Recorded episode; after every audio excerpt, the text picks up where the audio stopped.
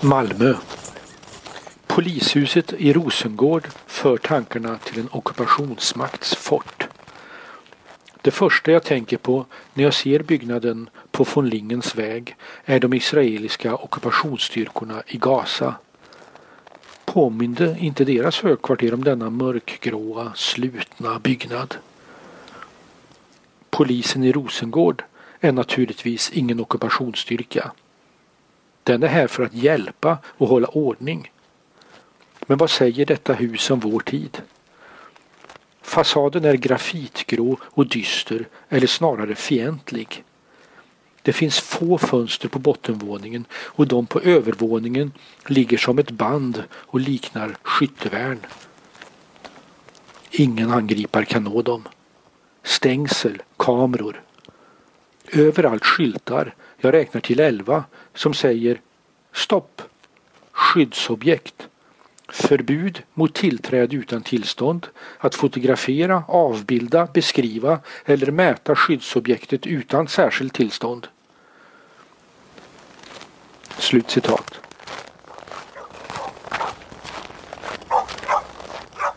Polishundar skäller på baksidan. De gläfsar och morrar. Ljuden kommer från den inhägnade parkeringsplatsen där poliserna även får ställa sina privata bilar för att slippa skadegörelse. Polisen är här för att försvara vårt öppna demokratiska samhälle. Tidigare låg stationen uppe i Rosengårds centrum, säg 300 meter bort. Det var i socialtjänstens gamla lokaler inrymda i ett tvåvåningshus av gult tegel. Poliserna hade det alldeles för trångt där och brottslingar kunde skjuta rakt in i byggnaden. Det hände vid ett par tillfällen.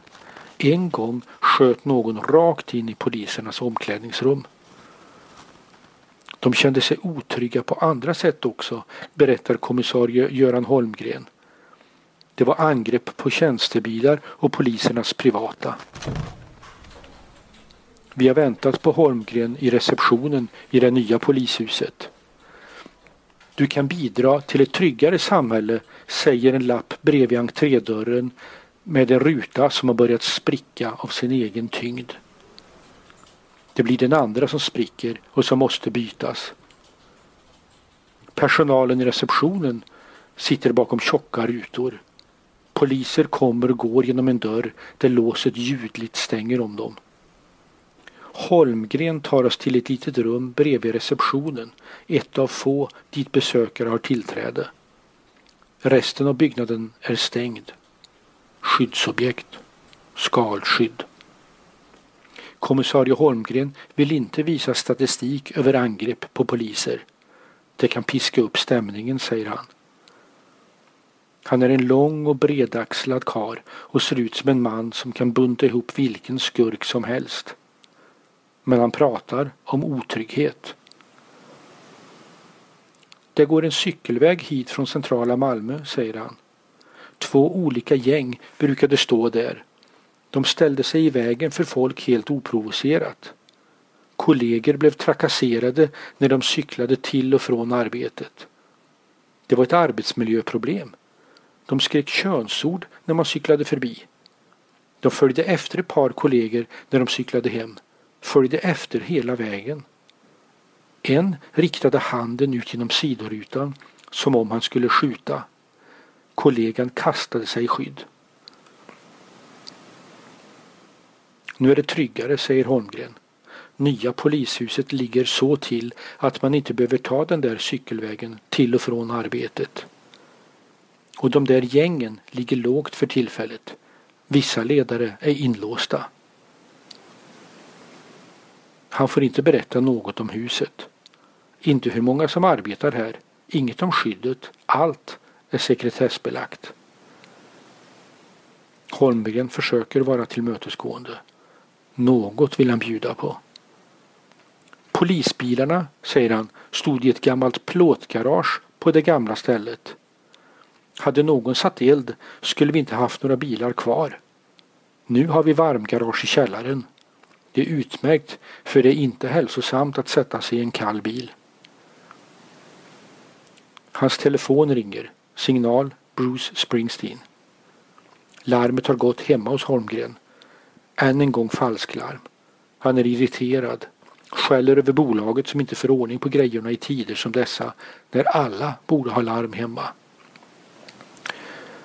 Intervjun drar ut och blir tunnare och tunnare. Vad kan jag fråga om när allt är hemligt? Holmgren berättar om förbättringar i området. Det är svårare att tända eld i garagen numera. Fastighetsägarna har tagit bort en del buskar också. Folk kan inte gömma sig på samma sätt, säger Holmgren. Du vet, i gerillakrig gömmer man sig. Han följer oss ut. Han berättar att poliserna källsorterar. Byggnaden är miljöcertifierad. På den bastanta ytterdörren sitter en röd postitlapp. Lunch 12 till 13. Det var inte alls självklart att polishuset skulle ligga i Rosengård. Men Polismyndigheten i Malmö ville visa att den inte lämnade Rosengård i en tid när det talades om att annan service skulle flyttas ut. Så fortet, det ligger här av omsorg om medborgarna. Ändå är det ett fort, en fästning och ett monument över vår tid.